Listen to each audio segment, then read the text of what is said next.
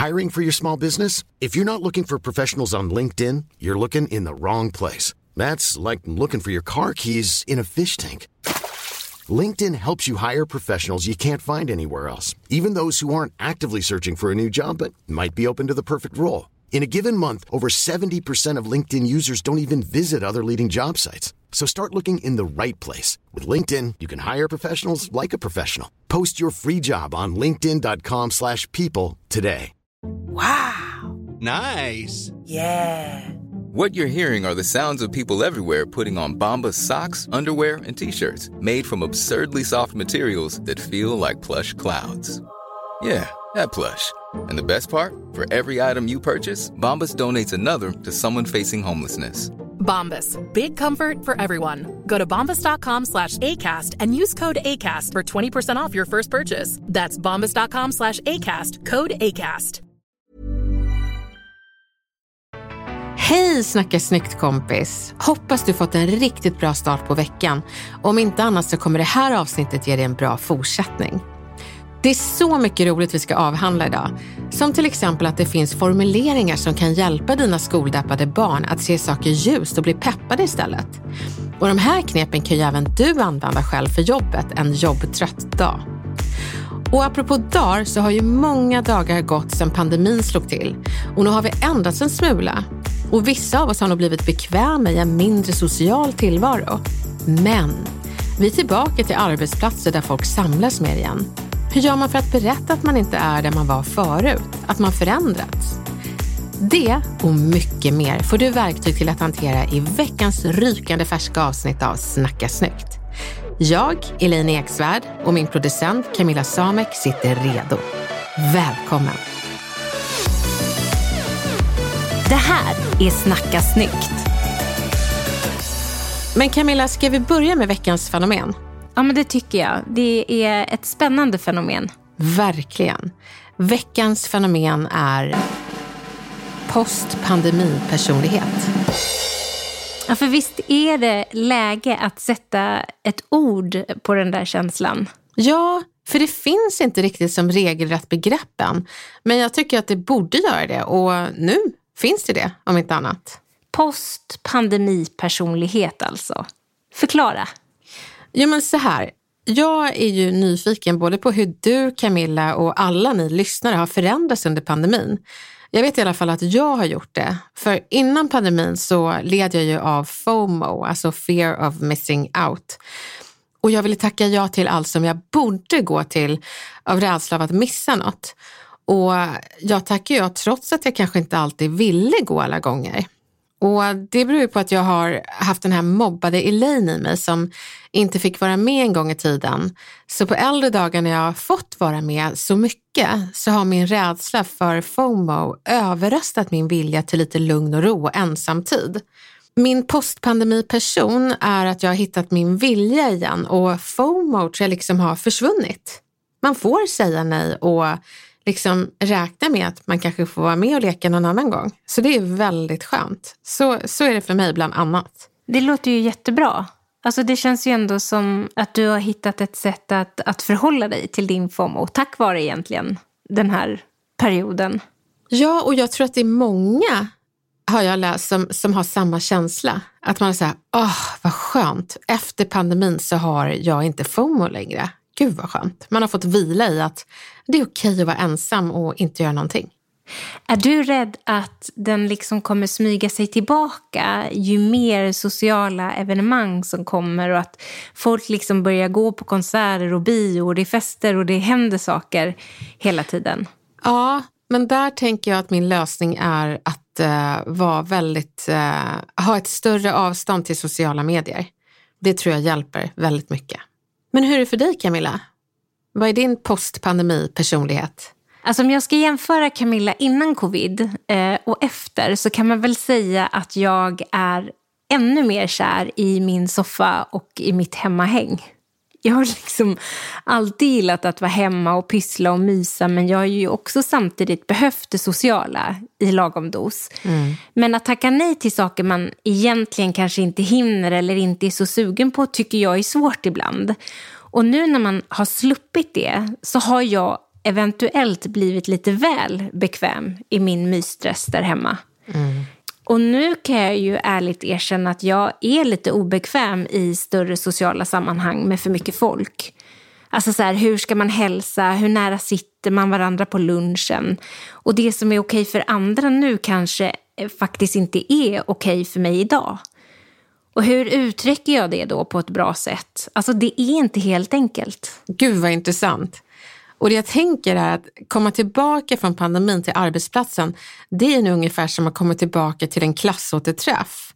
Jag tänker att det är så lätt att man hamnar, eller kanske inte hamnar, utan mer tvingas in i gamla sociala roller som man för länge sedan, alltså flera decennier sedan växte ifrån. Man är ju inte barn längre. Och nu har det inte gått lika lång tid som klassåterträffen, men eh, det har hänt mycket i en helt annan värld. Nu kanske man inte är där man var innan pandemin. Inte riktigt liksom. Den här sociala kostymrollen som eh, fanns på jobbet och är där och väntar på en plötsligt blir ganska obekväm. Nej men precis, och det är så märkligt när man inser hur mycket man faktiskt förändrats under den här tiden. Att man kanske, jag menar så här, jag har alltid tyckt om att kramas och sitta nära i fikarummet, gå på stan. Alltså det finns så många saker som, som inte känns lika härligt längre. Men att det ändå finns en svårighet att veta hur man ska kommunicera vad man är bekväm med. För man kanske inte heller vet det alla gånger själv. Nej, och det, det är väl den självinsikten man behöver ha, att liksom utforska det som plötsligt har blivit obekvämt och blivit annorlunda och våga kommunicera det. För det har skett en sorts global beteendeevolution.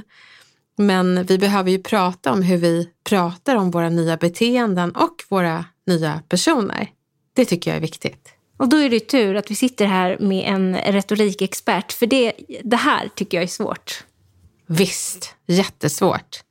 Och jag tänker att vi ska gå igenom grejer som jag tror många av er lyssnare kan känna igen er i. I saker du kanske tyckte var bekvämt förut men inte känner är bra längre. Du kanske inte längre vill kramas, gå ut på AV varje torsdag, ta i hand, sitta 20 personer inklämda i det där trånga, en gång skärmiga konferensrummet. Jobba på kontoret alla dagar i veckan, utan du är mer som Ferdinand. Jag trivs bättre här, där jag kan ha det lugnt och skönt och lukta på blommorna. Alla arbetsplatser har ju haft sina rutiner. Och nu när vi kommer tillbaka så är det ju bra att våga dels berätta vem ens nya postpandemiperson är och lyfta frågan om hur arbetsplatsen ska bli postpandemi. Man kan kalla det postpandemi-arbetsklimatet. Hur ser det ut? Något nytt måste vi ha lärt oss och landat i, inte sant? Är du chef som lyssnar så tycker jag verkligen att du ska gå laget runt och fråga medarbetarna vem de var innan och hur den här tiden har förändrat dem idag. Så hur gör man? Adressera den du var och berätta vem du är nu utan att det på något sätt skulle låta konstigt. Det kommer det inte göra. Det kommer låta som att du har självinsikt och det är bra. Säg, jag vet att jag var en kramare förut, men under pandemin så har jag faktiskt sluppit dem. Så jag vill bara komma ut för er som en inte-kramare. Säger du det här till liksom alla dina kollegor som du har samlat till ett möte? Eller hur, hur tänker du? Min förhoppning är ju att chefer samlar alla för ett sånt möte där vi liksom pratar om hur eh, vi har haft det under pandemin och hur vi har förändrats eh, beteendemässigt och hur vi ska ha det framöver. Så jag hoppas ju att, eh, att cheferna ska skapa möten där vi kan säga sånt här. Men eh, annars får man väl bara säga det när en kram kommer flygande. Att man säger det, vet du, jag, jag är ingen kramare längre men jättekul att se dig. Och så ler man brett. Men eh, annars så kan man göra som, som jag har berättat i eh, tidigare, som eh, det, det, bästa sättet att etablera sig själv som en icke-kramare, det är faktiskt i början av en relation. Som en, en uh, nyanställd berättade under en arbetsintervju och jag vill bara berätta att jag är ingen kramare generellt. Då kunde man inte ta illa upp. Men om det är någon som har kramat den och det inte har varit en pandemi och plötsligt slutar, då är man så här, men du gillar ju inte mig. Men det här är ett ypperligt tillfälle att sluta kramas. För er som inte vill då. Jag tycker vi har övat upp en ny reflex och det är liksom kolla hur hälsar vi? Och då kanske man inte behöver ta i hand. Man vet ju hur mycket skit det är där nu. Jag tar inte hand längre. Nej, jag har inte gjort det heller. Nej. Det känns ju som att man kommer sluta med på något sätt. Ja. Det får ju bli så här, hej hej, vi kör foten eller vi kör, Jag tycker luften och ett leende, det funkar jättebra. alltså typ så här en vink, hej. En vinkning. Och så ser man jätteglad ut för att kompensera bristen på kroppskontakt. Det Jag ser bra. framför mig hur du liksom spänner upp munnen i ett riktigt sånt där Alltså det kommer vara så, fantastiskt leende. ja, det kommer vara så uppspända mungipor här för att slippa alla de där hand... Jag tycker det är lättare att kramas än att ta i hand. Ja, men det gör jag med. Alltså måste jag välja så kramar jag ju hellre. Helt klart. Hiring for your small business? If you're not looking for professionals on LinkedIn, you're looking in the wrong place. That's like looking for your car keys in a fish tank. LinkedIn helps you hire professionals you can't find anywhere else, even those who aren't actively searching for a new job but might be open to the perfect role. In a given month, over 70% of LinkedIn users don't even visit other leading job sites. So start looking in the right place. With LinkedIn, you can hire professionals like a professional. Post your free job on linkedin.com/people slash people today. Hey, it's Ryan Reynolds, and I'm here with Keith, co star of my upcoming film, If, only in theaters, May 17th. Do you want to tell people the big news? All right, I'll do it. Sign up now and you'll get unlimited for $15 a month in six months of Paramount Plus Essential Plan on us. Mintmobile.com slash switch. Upfront payment of $45 equivalent to $15 per month. Unlimited over 40 gigabytes per month. Face lower speeds. Videos at 480p. Active Mint customers by 531.24 get six months of Paramount Plus Essential Plan. Auto renews after six months. Offer ends May 31st, 2024. Separate Paramount Plus registration required. Terms and conditions apply if rated PG. Vi går vidare till meningen ni kan använda. Så här. Jag vet att jag var den som tackade ja till alla AV som vi har varje torsdag för sammanhållningen på jobbet. Och jag gillade det då, men jag har upptäckt hur mycket bättre jag mår av ensamtid efter jobbet. Så jag kommer att haka på, men inte varje torsdag som förr. Jag tycker inte sämre om er, utan jag har bara blivit förälskad i min ensamtid. Den var fin. Ja, så att man inte avvisar någon utan bara berättar, ja det är, det är som att säga det är inte du, det är jag, fast på ett bättre sätt. Men för att gå till den retoriska formeln så är sammansättningen, den handlar egentligen om att säga jag vet att, och då hänvisar man till hur man var förut. Och sen så för du kollegorna och kompisarna till ditt nya jag, men nu. Så det handlar egentligen om att säga, jag vet att jag var bla bla bla innan pandemin, men nu har det blivit så här. Tada! Det är lite klurigt, men Camilla, jag tänker, hur ska du formulera ditt? Finns det någonting som, som du känner att du skulle behöva berätta för dina kompisar eller kollegor? För jag tänker att du ska få testa, jag vet att förr, men nu är jag-metoden. Mm. Ja, men vi säger nu till exempel att eh, man har jobbat hemifrån jättemycket och man har liksom börjat bli väldigt bekväm med det. Jag känner att jag trivs med det och får jättemycket gjort. Men mina kollegor som kanske gärna vill ha en på kontoret och tycker att det är mycket Eh, mer kreativt att sitta tillsammans i grupp och komma på saker och sådär. Eh, de kanske tycker att det är märkligt att jag då inte vill sitta med dem på kontoret. Då måste jag nu förmedla mitt, mitt nya jag. Då skulle jag alltså säga så här. Jag vet att jag har älskat att sitta på kontoret och jobba tillsammans med alla er kollegor. Um, men jag har upptäckt att jag mår så mycket bättre av att sitta hemma och jobba. Um, så jag tänker att jag kommer komma in två dagar i veckan framöver. Och så ses vi då. Och eh, resten av dagarna får vi köra digitalt. Alltså jag tror att det är så många som kan relatera till dig. Frågan är bara om man tar det med kollegorna, utan det är nog ett samtal man ska ta med chefen. Ja, det har du ju rätt i. Det är klart att jag inte kan, det är klart att jag inte kan ta med kollegorna, men om vi säger att jag har bestämt med chefen redan Ja. att det är så jag vill jobba och att jag bara ska så att säga break the news. Ja, då tänker jag att eh, kort och koncist bara säga, hörni, eh, jag kommer finnas tillgänglig på kontoret eh, två dagar i veckan från och med nu. Och sen finns jag tillgänglig digitalt eh, de andra tre. Eh, bara så ni vet, och det är de här dagarna. Tjingeling! Men då får man ju ingen sån här bakgrundsstory. Så här var det innan och så här känner jag nu. Ja, och det är frågan om man behöver den. Jo, och då kan du lägga till det här. Hörni, jag upptäckte att jag jobbar så mycket mer effektivt när jag kan fördela min arbetstid, både digitalt, eh, hemifrån och på kontoret. Så en hybrid har verkligen varit grymt för mig. Så bara så att ni vet kommer jag finnas här på onsdag och eh, nu försöker jag komma på några bra dagar det här är. Nej men säg bara att jag finns, jag finns eh, fysiskt på kontoret måndag och onsdag. Exakt. Måndag och onsdagar finns jag på kontoret. Tjingeling.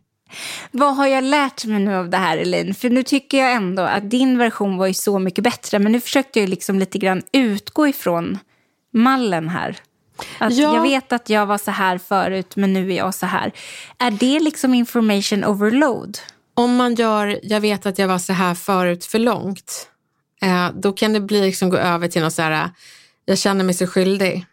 Nej men jag, jag tycker att du gjorde det bra, men jag tänker bara om vi går tillbaka till kramar och jag säger Camilla, jag vet att jag eh, kramade dig förut och jag tyckte verkligen om det. Du har ofta på dig så färgglada, mysiga ylletröjor och jag tycker fortfarande de är jättefina. Så att du inte tror att jag tycker att det är något fel på dina tröjor, men jag, jag gillar verkligen dem. Och um, det, du har också så en fin kroppstemperatur så att jag känner att det är varmt. Men nu har jag beslutat att jag inte vill kramas längre. Så att eh, det är verkligen inte du. jag tyckte om det. Farväl. Det är inte du, det är jag. Ja. Nej, men fy, nej, jag förstår. Du trasslar in dig i jag en tror jättelång det. harang. Om man ska stå och hålla ett tal på jobbet och bara, alla kollegor, jag tycker om er, men jag har valt att inte vara med er nu tre dagar i veckan. Och så är det bara. Så jag tror... Mindre dramatiskt. Och det var ju faktiskt du som kom på det. Att du sa, kan man inte bara säga, hörni, jag kommer finnas eh, på kontoret två dagar i veckan. Eh, när, när, och då har vi chans att ses, så jäkla kul. Eh, så hoppas ni kan tajma de dagarna också. Istället för, och de andra tre är jag borta. Och det är inte ni. Jag tycker om att se er på kontoret. Ni är så trevliga, men nu har jag valt att inte se er längre. Men kan vi inte göra en till då? Så att jag känner att, att den sitter. Ja, och då finns det en liten tjusning i, inom retoriken som kallas för premiss. Och premiss är någonting man säger mellan raderna. Ibland behöver man inte uttala jag vet att jag var så här förr, utan man säger det indirekt i en liksom, eh, snygg formulering. Så eh, jag tror bara att du ska berätta vilka dagar du finns tillgänglig. Det, det räcker och resten hamnar i, då hamnar jag vet förr, mellan raderna, underförstått. Hörni, framöver så kommer jag att finnas på kontoret på måndagar och onsdagar. Eh, och de övriga dagarna kan vi eh, höras digitalt. Jag hoppas att vi kan pricka in dagarna på kontoret tillsammans. Snyggt! Jättebra. Jag känner mig inte alls bortvald. Jag tror alla chefer, beroende på såklart vad du jobbar med. Alltså, är du sjuksköterska, läkare och så vidare och säger jag kommer ta den här operationen. Alltså det, det beror ju helt på... Hemifrån? Ja, men precis. Ja, så det här gäller inte alla, men de som ändå har eh, ett sånt jobb där man kan ha en hybrid av att det här kan jag göra hemifrån, så tycker jag att man ska ta chansen och ta det här samtalet. Bara man har argument för att visa att jag jobbar lika effektivt eh, hemifrån så tycker jag att man ska säga det. Det finns inget mer gyllene tillfälle att göra det än nu. Men Elaine, du, eh, din postpandemiperson är ju det att du inte lider av FOMO längre. Hur ska du formulera det då? Ja, det är ingenting man outar. Eller så här, jag har ju aldrig sagt att jag tackar ja nu för att jag har FOMO. Så det är ingenting. Nej. Det, jag tror att det är ju någonting som man kanske inte är så stolt över att ha haft. Utan det, det jag ska göra är nog bara det vi har avhandlat i konsten att säga nej snyggt. Och det är att mer säga, jag är så tacksam och glad av att jag fick inbjudan och jag vill verkligen, men min vilja krockar med tiden som, som inte finns just nu. Så himla trist. Men du, tack igen. Jag blev så glad att du tänkte på mig. Så jag ska liksom bara använda konsten och säga nej och tacka nej snyggt. Och, och, för mig är ju väldigt mycket det här postpandemipersonligheten att jag behöver kapa ner det sociala. Jag älskar ju att umgås med vänner och familj. Och, men alla grejer jag tackar ja till har naggat på min egen tid. Så jag har ju blivit någon sån här enstöring Camilla som sitter i ett mörkt rum och kollar på någon dålig serie från Netflix bara för att jag inte räcker till. Så kontentan är egentligen att min postpandemi-person är att jag kommer att tacka nej utan att känna FOMO. Och då kommer tiden räcka till jättebra. Och så kommer jag tacka ja ibland också såklart. Så ni där hemma, det är inte fel att ändras, men det är smart att kommunicera det så att inte folk undrar. Och vet du, jag tror vi är väldigt många som skulle vilja kunna kommunicera vilka våra postpandemi-personer är just nu. Och vore det inte kul om vi var fler som gjorde det? Du får jättegärna skriva på Snacka Snyggs Insta kring vem du var förr och den du har blivit nu i och med pandemin.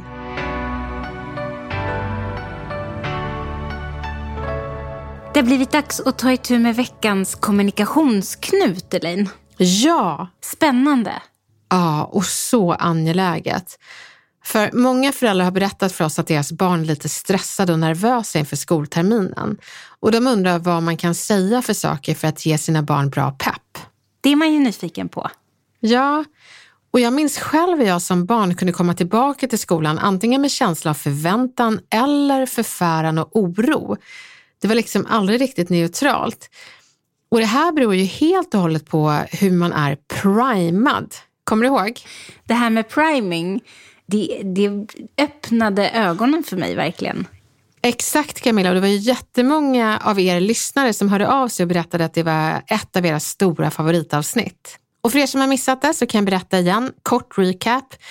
Priming, det är att hjärnan är inställd på att saker är på ett visst sätt.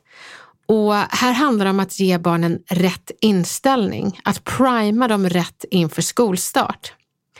Jag kommer till exempel ihåg hur jag blev mobbad av två pojkar i min klass och allt jag tänkte på och oroade mig för, det var ju de här två killarna. Och mamma sa det som många välmenande föräldrar sa på den tiden. Hon sa strunta i dem. Men för att strunta i något så måste man ju fokusera på någonting annat. Så det där lilla, lilla tillägget om vad jag skulle fokusera på istället, det hade gjort enormt mycket för mig som barn. Om hon bara hade kunnat säga, Elaine, strunta i de där två pojkarna. Du kommer ju få träffa Louise, Fatma Gül, Gabby, Lina, Nathalie, Yashar, Mohannad och många fler som vill leka med dig. Det hade gjort susen. För då hade jag primats till att fokusera på de här snälla kompisarna. Så vill du att ditt barn ska fokusera på bra saker, ställ frågorna på det sättet. Så att det handlar, man ska inte ställa en öppen fråga, hur känns det i skolan? Utan vill man prima barnet till att tänka positivt så kan man ha en ledande positiv fråga. Som att man säger, vad ser du mest fram emot över att börja i skolan igen? Eller, vilka kompisar ska det bli roligt att träffa? Vilka pedagoger ser du fram emot att träffa? När man ställer sådana frågor så börjar hjärnan direkt leta efter det som gör en glad. Och deprimerade personer letar ju efter det som är negativt. Då är man ju primad i att kroniskt leta efter det halvfulla glaset. Jag tycker att man ska lyssna på barnet och, och, och inte bara vifta bort att saker är jobbigt eller tråkigt. Men eh, man kan ju också gå över och säga tur att det finns roliga saker också. Vilka är det? Då får man lite balans. Alltså om, om eh, ens barn kommer hem från skolan och säger jag är mobbad på skolan, då ska man inte säga okej, okay, men om vi fokuserar på det positiva, vad, vad ser du fram emot? Då, då blir man ju lite psycho parent. så att det är viktigt att höra, men har man fastnat, och det kan ju både barn och vuxna göra, då kan det vara bra att puffa till med lite eh, positiva frågor. Så jag tror att positiv priming även behövs för en själv, till exempel. Om, eh, om man till exempel inte ser fram emot jobb eller plugget.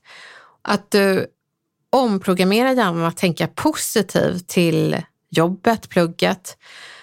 Och allt det där som man förfasas över, som man ser som problem, kan man formulera till en sorts lösning man ser fram emot att lösa. Och nu tänker jag att du som lyssnar, Gör din lista du med. Skriv både det du ser fram emot den här hösten och det du verkligen inte ser fram emot. Men det där du inte ser fram emot, formulera det som en utmaning som du ska fixa genom att formulera dem lösningsorienterat. Då primar du dig själv att tänka positivt. Det är så smart. Det är så briljant. Jag älskar priming. Jag med. Bästa verktyget. Så alla ni föräldrar där ute, du kan både peppa ditt skoldeppade barn men också ditt arbetsdeppade själv med det enkla verktyget priming och några fiffiga retoriska formuleringar som pekar på vad vi ser fram emot och omformuleringar kring problemen genom att formulera dem lösningsorienterat. Då kommer den här mörka hösten bli mycket ljusare, i alla fall i ditt sinne. Och det är mycket värt.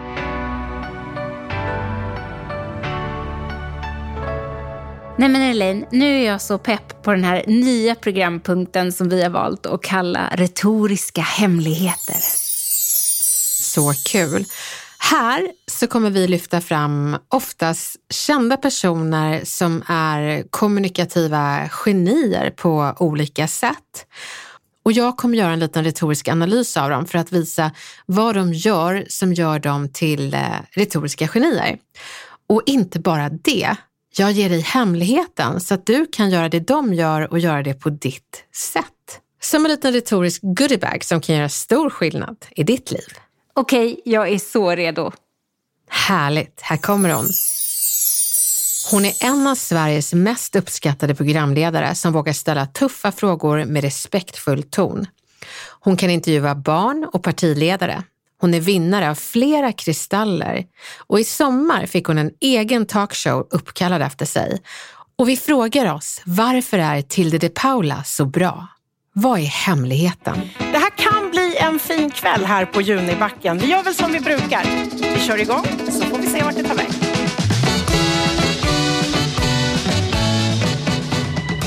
Jo, för hon lyssnar på riktigt. Det handlar inte om henne själv utan om gästen. Hon kidnappar aldrig samtalet och refererar till sig själv utan hon kan konsten att låta varje person glänsa i hennes studio. För hon avbryter på ett komplimangsätt. Man känner sig aldrig avbruten eftersom hon berömmer det man har sagt, ger sin egen reflektion på det och sen går hon vidare. Om hon är tvungen att avbryta så säger hon att hon tycker att ämnet var så intressant att det skulle behövas så mycket mer tid. Inte bara det, hon berättar också att hon vill höra mer men inte kan. Men tack så mycket! Hon är ett geni. För att hon har på sig bekväma, snygga kläder. Hon har ju powerplug deluxe. Snyggt, trovärdigt och bekvämt, det är nyckeln. För hon vet hur man får folk att känna sig bekväma där andra är otroligt nervösa, nämligen framför kameran. Men med en Tilde de Paula och alla kommunikationsskills hon har så kan vem som helst känna sig bekväm. Hon är också ett socialt geni. Hon anpassar sig och känner in den hon pratar med istället för att kidnappa med sin egen jargong. Så det är jätteviktigt att vara följsam och känna in stämningen. För hon kan diskutera med folk hon inte alls delar värderingar med och fortfarande hålla respekten. Säga saker som intressant, jag håller inte med men jag är tacksam att du delar dina tankar. Och det bästa är ju att du kan bli en Tilde i ditt eget liv. Folk i din närhet vill känna sig sedda och hörda. Så, lyssna och fokusera på den du pratar med.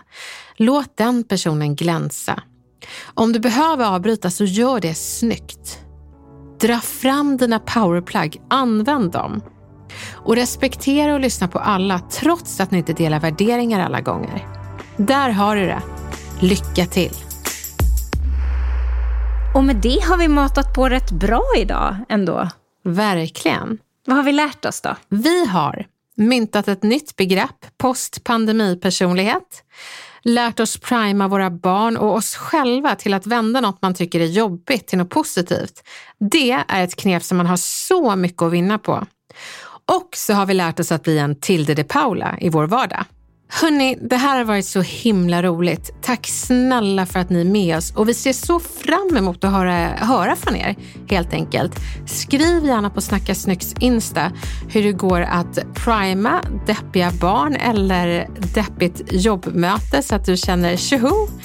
Och berätta också om du har använt några av Tilde de Paula-hemligheterna i ditt liv. Det är alltid kul att höra hur våra verktyg gör skillnad i ditt liv.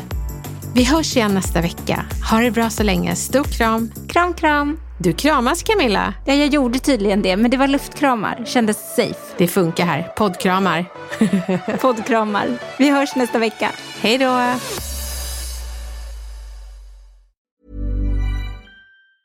Hi, I'm Daniel, founder of Pretty Litter. Did you know cats tend to hide symptoms of sickness and pain? I learned this the hard way after losing my cat, Gingy. So I created Pretty Litter, a health monitoring litter that helps detect early signs of illness by changing colors, saving you money and potentially your cat's life. Pretty Litter is veterinarian developed, and it's the easiest way to keep tabs on your fur baby's health right at home. Go to prettylitter.com and use code ACAST for 20% off your first order and a free cat toy. Terms and conditions apply. See site for details. Even when we're on a budget, we still deserve nice things. Quince is a place to scoop up stunning high end goods for 50 to 80% less than similar brands. They have buttery soft cashmere sweaters starting at $50, luxurious Italian leather bags, and so much more. Plus, Quince only works with factories that use safe, ethical, and responsible manufacturing. Get the high-end goods you'll love without the high price tag with Quince. Go to quince.com/style for free shipping and 365-day returns.